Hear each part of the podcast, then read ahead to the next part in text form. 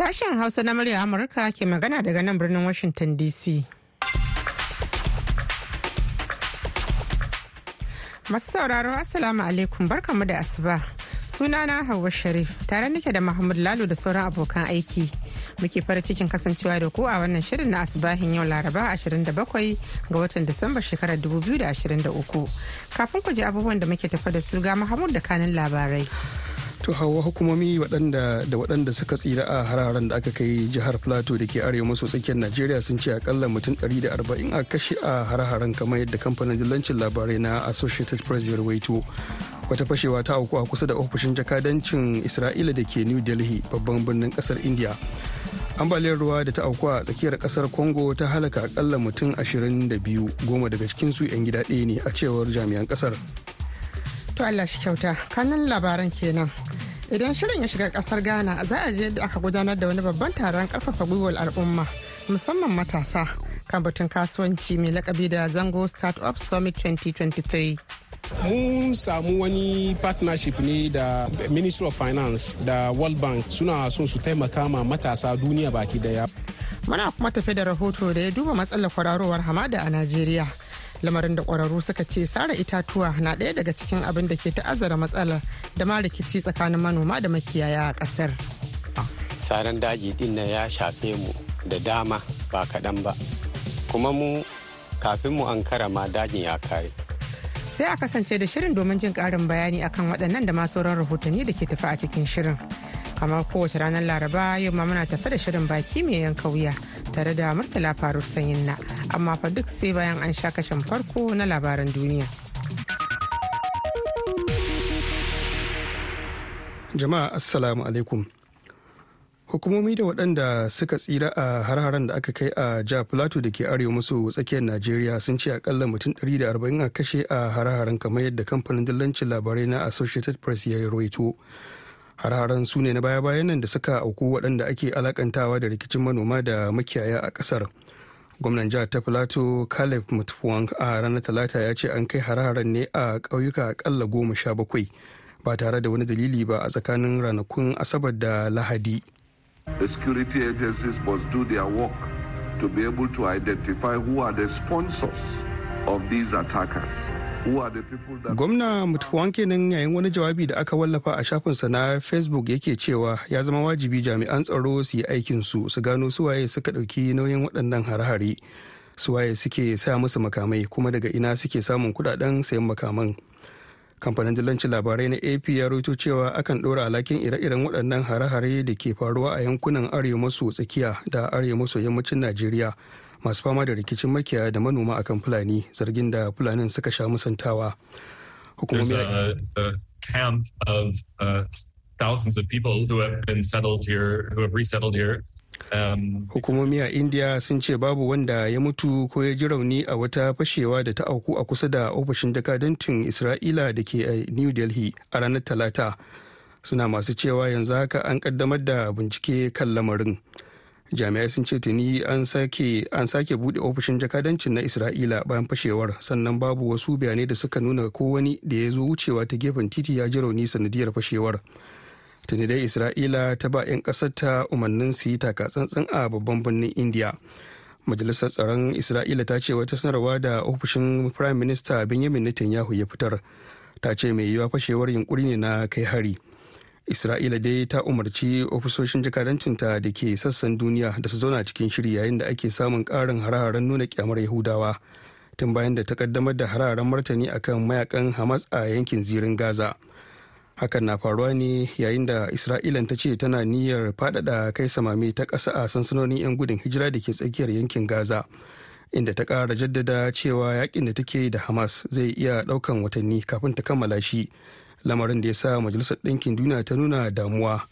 Sean kasi na ɗaya daga cikin likitocin hukumar lafiya ta duniya da who a yankin na gaza. There's a, a camp of uh, thousands of people who have been settled here who have ya ce akwai sansanin da ke ɗauke da dubban mutane waɗanda suka samu mafaka a nan saboda sun rasa mahallansu ko kuma sun tsere wa rikicin da ake yi. Dakarun isra'ila sun ce sun kai hare-hare a wurare sama da ɗari ciki har da hanyoyin ƙarƙashin ƙasa waɗanda hamas ke amfani da su wajen shirya hare-hare a kan dakarunsu. Ambaliyar ruwa da ta auku a tsakiyar ƙasar congo ta halaka akalla mutum 22 bayan wani ruwan sama da aka tafka goma daga cikin mutanen 'yan gida ɗaya ne a cewar jami'an ƙasar gwamnan gundumar da ake kira kananga tsakiyar lardin ƙasar ta congo john kabe ya ce ruwan saman da aka kwashe sawai ana yi ne ya haifar da ambaliyar ruwan. Wacce ta lalata gidaje da dama. Yana mai cewa tuni aka baza jami'ai don neman waɗanda suka tsira da ransu. A ranar talata aka kara tabbatar da mutuwar mutum biyar bayan adadin 17 da aka fitar a baya. Matsalar ambaliyar ruwa da ruwan sama ke haddasawa a wasu sassan ƙasar ta congo da ke yankin tsakiyar afirka. Matsala ce da take yawan aukuwa musamman a yankunan karkara. A watan mayun da ya gabata mutum sama da 400 suka mutu bayan da aka samu zaizayar ƙasa sakamakon ruwan sama da aka kwana ana yi.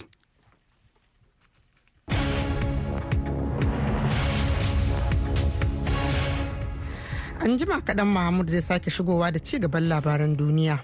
Kafin nan yanzu bari mu shiga birnin accra a ƙasar ghana domin jin yadda ta kwashe a babban taron zango start up summit na shekarar 2023 mai karewa da aka ce an shirya domin ƙarfafa gwiwar al'umma musamman ma matasa a harkar kasuwanci domin dogaro da kai kamar da yadda za ku ji cikin wannan rahoton na idris abdallah bako. Taron mai taken karfafawa hadawa sauyawa ƙarfafa ruhin kasuwancin 'yan zango ya haɗo kan matasa kimanin 500 shugabannin al'umma masu ƙananan sana'o'i masu zuba hannun jari da masu tsara manufofi inda aka tattauna dabarun bunƙasa ci gaban zangunan ghana ta hanyar ƙara matasa ƙwarin gwiwar gudanar da sana'o'i da kasuwanci. Mahmud jaja shugaban zango vision hub ƙungiyar da ta tsara shirin ya yi ƙarin bayani ga muryar amurka. Zango vision hub ƙungiya ne na matasa da muke duban yadda za mu taimaka ma matasa musamman wurin aikin sana'a. Wanga shiri mun samu wani partnership ne da Ministry of Finance da World Bank suna son su taimaka ma matasa duniya baki ɗaya. Amma da suka gan kamar cikin zangonnin mu saboda mu muna ƙoƙari she suka ba mu wannan support. Kamar mu mu zama kamar wanda za mu yi mu select young people na agent na tsakanin da matasa. To muna da office da inda muke training matasan. Isa wanga training ga mun ba su four months training. Bayan four months training nan to she muka ce yau su zo su pitch su gara ma duniya gaba diya abin da suke yi. Babban bako na musamman a wurin taron ƙaramin minista kan harkokin kuɗi dr muhammad amin adam ya shawarci al'ummar zango. We have been sleeping for a long time and it appears everybody has come to the conclusion that zongos are behind. But zongos are not behind. Ya ce mun jima muna barci kuma ga dukkan alamu an kai ga cewa mu 'yan zango muna baya. Amma 'yan zango ba ma baya. Domin muna da mutanen da suka ba da gudunmawa wajen ci gaban mu a matsayin su lai likitoci malaman makaranta 'yan kasuwa da sauransu. Amma muna buƙatar mu har haɗo ci gabanmu da kanmu don da haka ne za mu iya ba da labarin kanmu da kanmu. Baya ga shawarwari daga wasu fitattun 'yan kasuwa an buɗe fili ga wasu gungun matasan 'yan kasuwa guda goma sha biyar inda suka bayyana dabarun yadda za su gudanar da kasuwancinsu kuma su samu riba ga wani kwamiti da zai tantance gungun da ya nasara. Daga bisani sai a ba wannan gungun tallafin kuɗi mai tsoka da zai gudanar da kasuwanci. A ƙarshe gungun da bushira abbas wanda ke noma aburba ta yi nasara. Sunana abbas bushira muna sana'an aburbe gaskiya mun go through zongovation program na for the period of more than three months. Mun koyo a lot. In fact jenny na ya tanye ni na iya na accept reality uh, challenges in business. So alhamdulillah mun gode ma zongovation na gode ma allah da ya bani da courage da uh, ƙarfi na iya na go through program ga successfully wasu da suka halarci taron sun yi tsokaci ga muryar amurka. Sunana aishatu yusuf.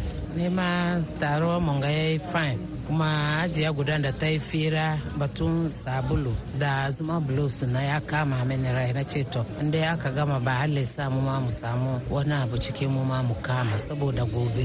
Da sana'a muna yi amma na samu wannan sabulu na kara na mai fine.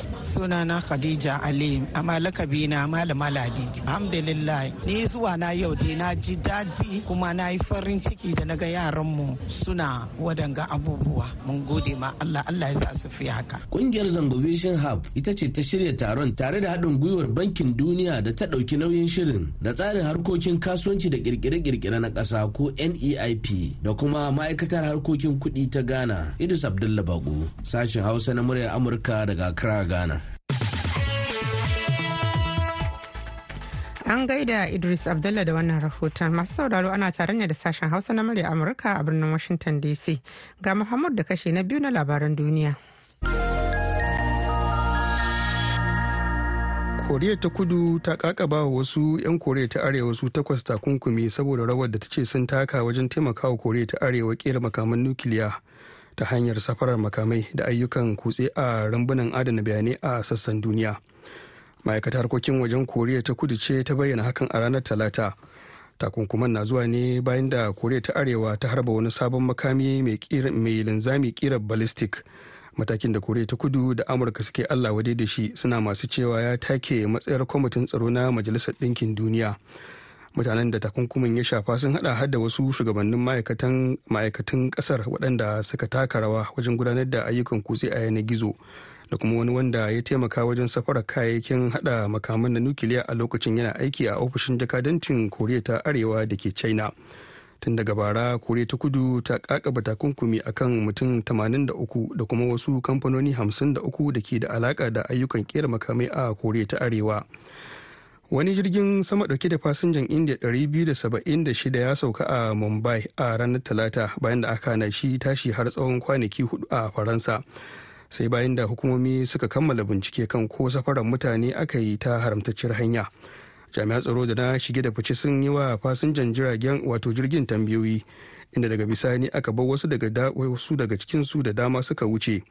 'yan sandan faransa sun tsare jirgin na kamfanin shatar jirage na legend da ke ƙasar romania bayan da ya baro dubai ya sauka a ƙaramin filin tashin jirage na vatiri don a duba lafiyarsa. Jami'an tsaron sun kuma tsare mutum biyu da suka ce suna taimaka musu wajen neman ƙarin haske kan zargin safarar biladama yayin da ake ci gaba da gudanar da bincike.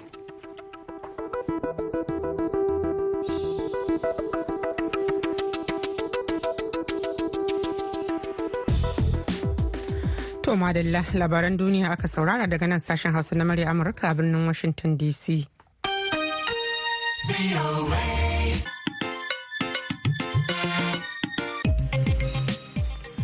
har yanzu dai mana afirka ta yamma wannan karin a jagaban ƙasashen wato najeriya inda kwararru suka ce sara itatuwa na ɗaya daga cikin abin da ke ta'azzara matsalar kwararowar hamada da ma rikici tsakanin manoma da makiyaya a ƙasar wakilin ma abuja alhassan bala ya tattauna da wani makiyayi a birnin na abuja kamar yadda za ku ji a cikin wannan rahoton.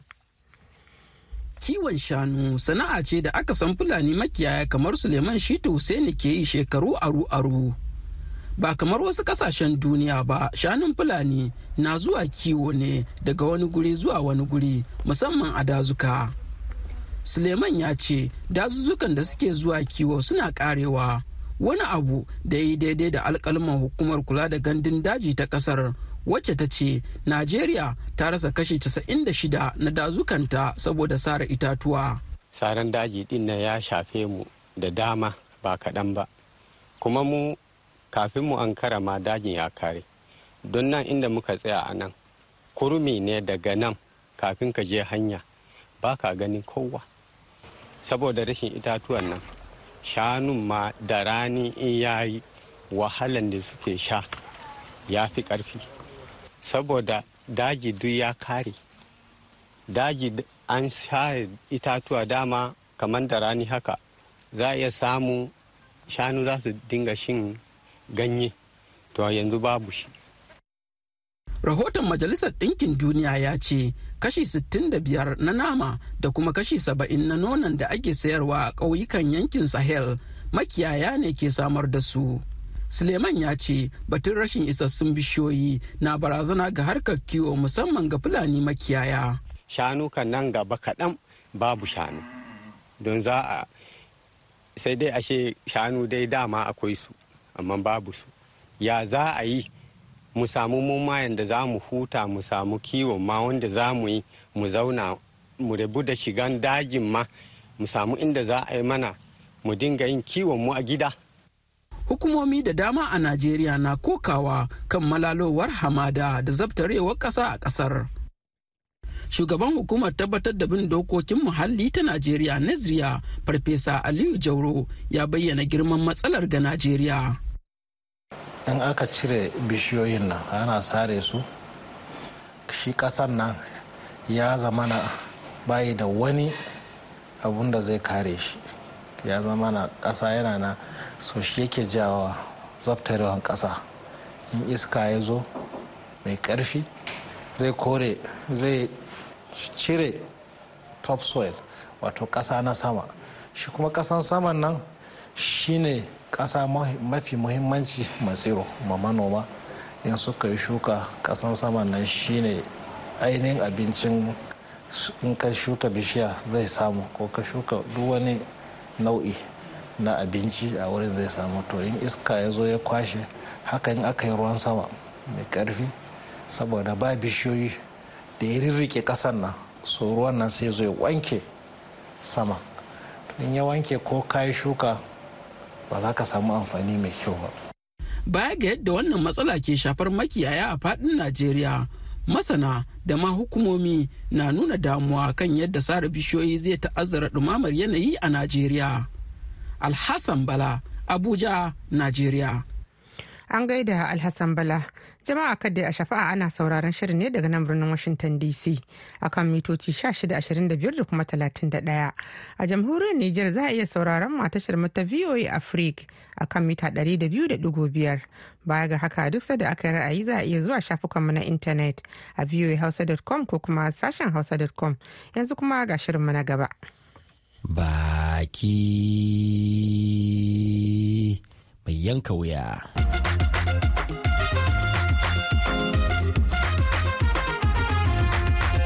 Shirinmu na wannan makon ci gaba ne daga inda muka kwana a makon jiya kan bitar muhimman al'amuran da suka wakana a wannan shekara ta 2023 mai ban kwana.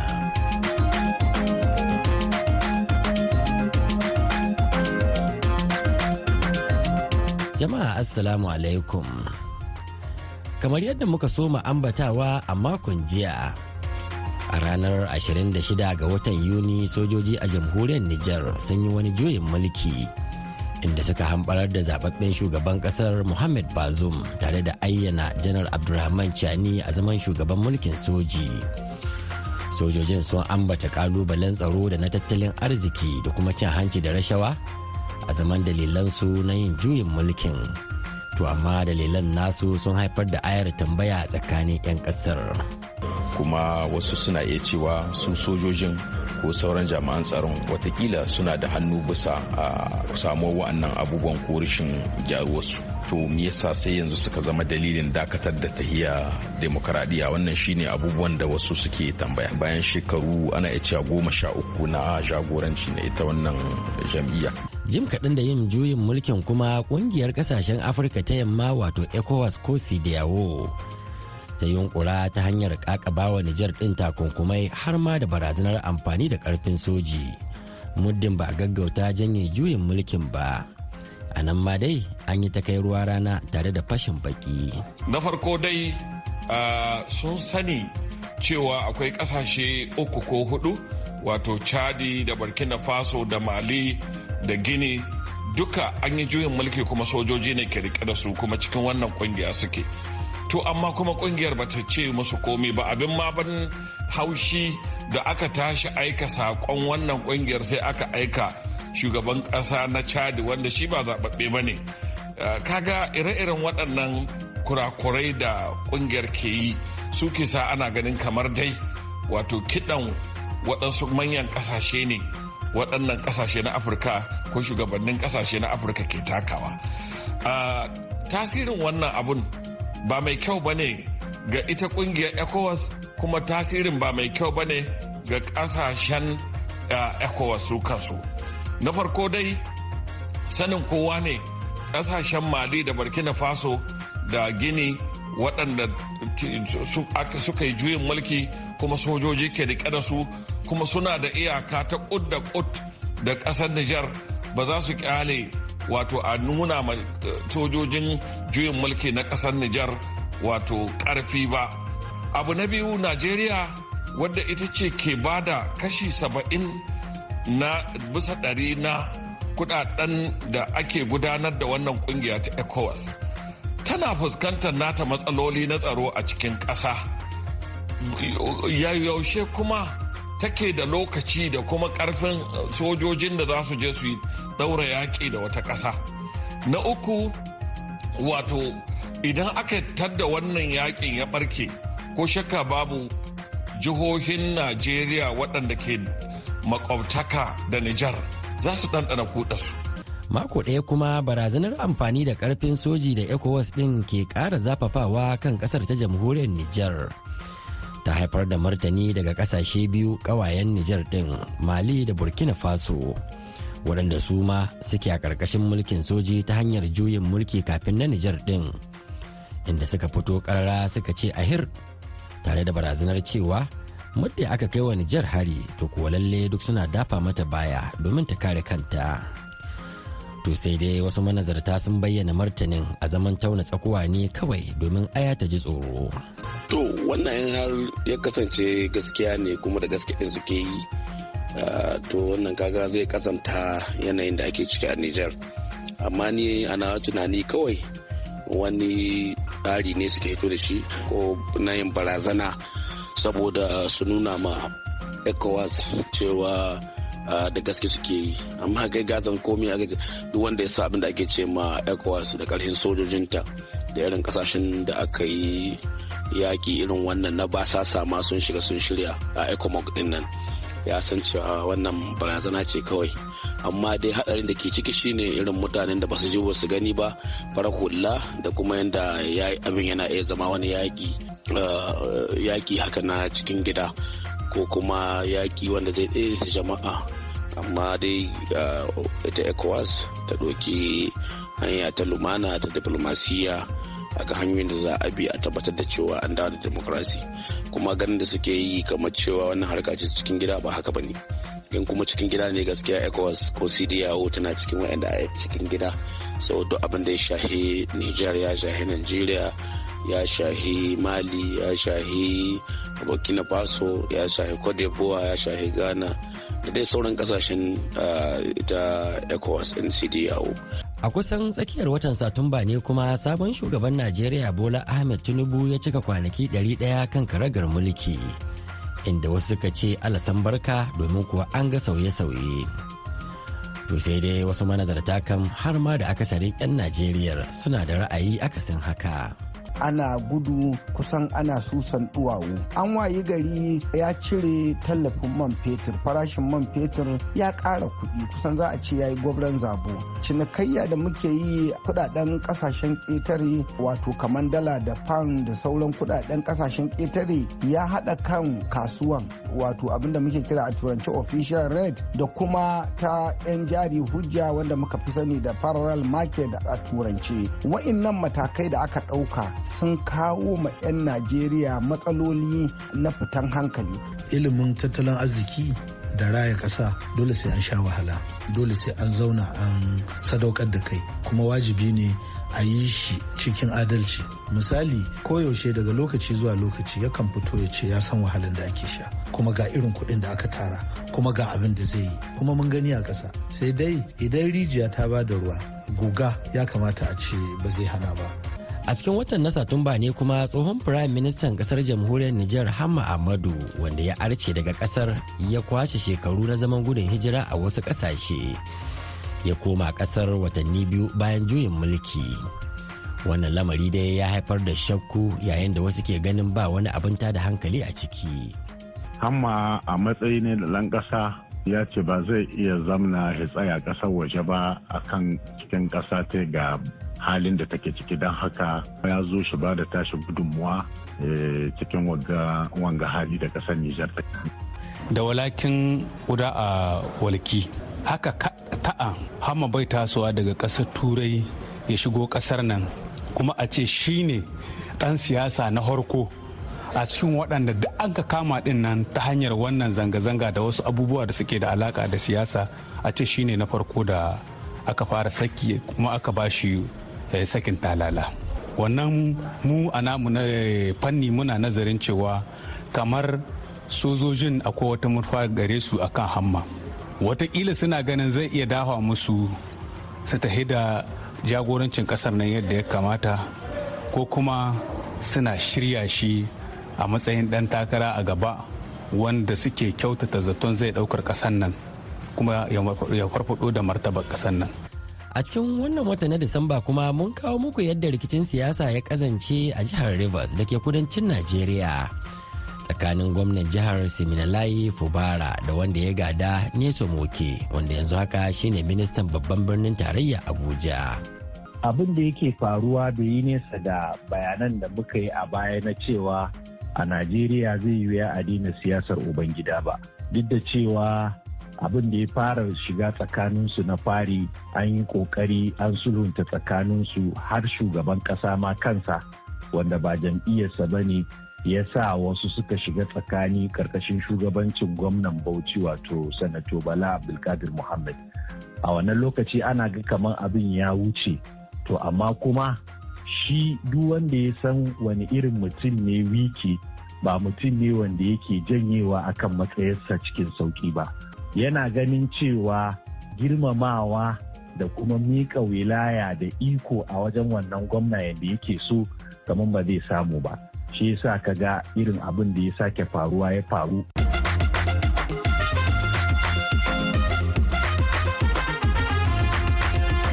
Masu saurare a nan za mu dasa aya wanda kuma shine shirinmu na ƙarshe a wannan shekara ta 2023 a madadin dukkan wakilan sashen hausa na muryar amurka da kuma daɗi balawe da ya ta daidaita mana sautin shirin murtala faruk sanyin na ke muku sallama daga nan washington dc sai mun haɗu a sabuwar shekara ta 2024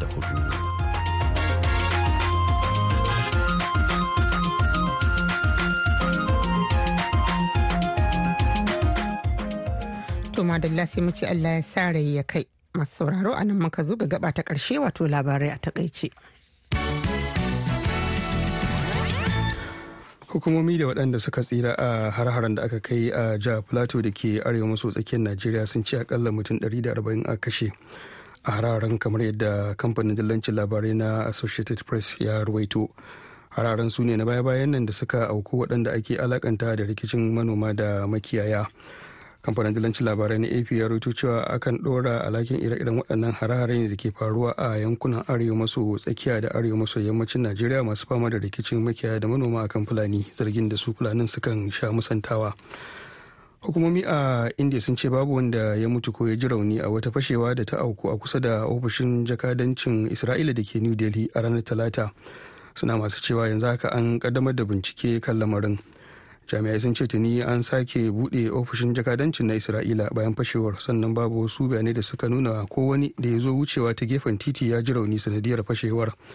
Tuni da isra'ila ta ba 'yan ƙasar ta umarnin su yi takatsantsan a babban birnin na india majalisar tsaron isra'ila ta ce wata sanarwa da ofishin prime minister benjamin netanyahu ya fitar ta ce mai yiwa fashewar yunkuri ne na kai hari. Isra'ila dai ta umarci ofisoshin jakadancinta da ke sassan duniya da su zauna cikin shiri yayin da ake samun karin hararen nuna kyamar yahudawa tun bayan da ta kaddamar da hararen martani akan mayaƙan hamas a yankin zirin gaza. Ambaliyar ruwa da ta auku a tsakiyar ƙasar congo ta halaka akalla mutum 22 bayan wani ruwan sama da aka tafka. Goma daga cikin mutanen 'yan gida ɗaya ne a cewar jami'an ƙasar gwamnan gundumar da ake kira kananga tsakiyar lardin ƙasar ta congo john kabe ya ce ruwan saman da aka kwashe sa'o'i ana yi ne ya haifar da ambaliyar ruwan da ta lalata gidaje da dama. Yana mai cewa tuni aka baza jami'ai don neman waɗanda suka tsira da ransu. A ranar talata aka ƙara tabbatar da mutuwar mutum biyar bayan adadin 17 da aka fitar a baya. Matsalar ambaliyar ruwa da ruwan sama ke haddasawa a wasu sassan ƙasar ta congo da ke yankin tsakiyar afirka. Matsala ce da ta take da ta shafa ruwa a musamman yankunan da ke karkara. To masu sauraro baki ɗaya a nan za mu naɗe tabarman shirin na wannan lokacin sai kuma an jima da hantsi idan Allah ya kai mu ƙarfe 8 agogon Najeriya Nijar kamar da Chadi. Wato ƙarfe 7 agogon GMT da Ghana za a ji mu ɗauke da wani sabon shirin. Kafin nan a madadin dukkan waɗanda suka ba da gudunmawa har shirin ya muku kamar ya kuka ji shi musamman Muhammad Lalo da karanto labaran duniya. Sai Dadi Balawi da ya ba da umarni da ma injiniyan mu na yanzu Musa Charleston ni da na shirya na gabata Hawa Sharif ke muku fatan alheri daga nan Washington DC sai an ku.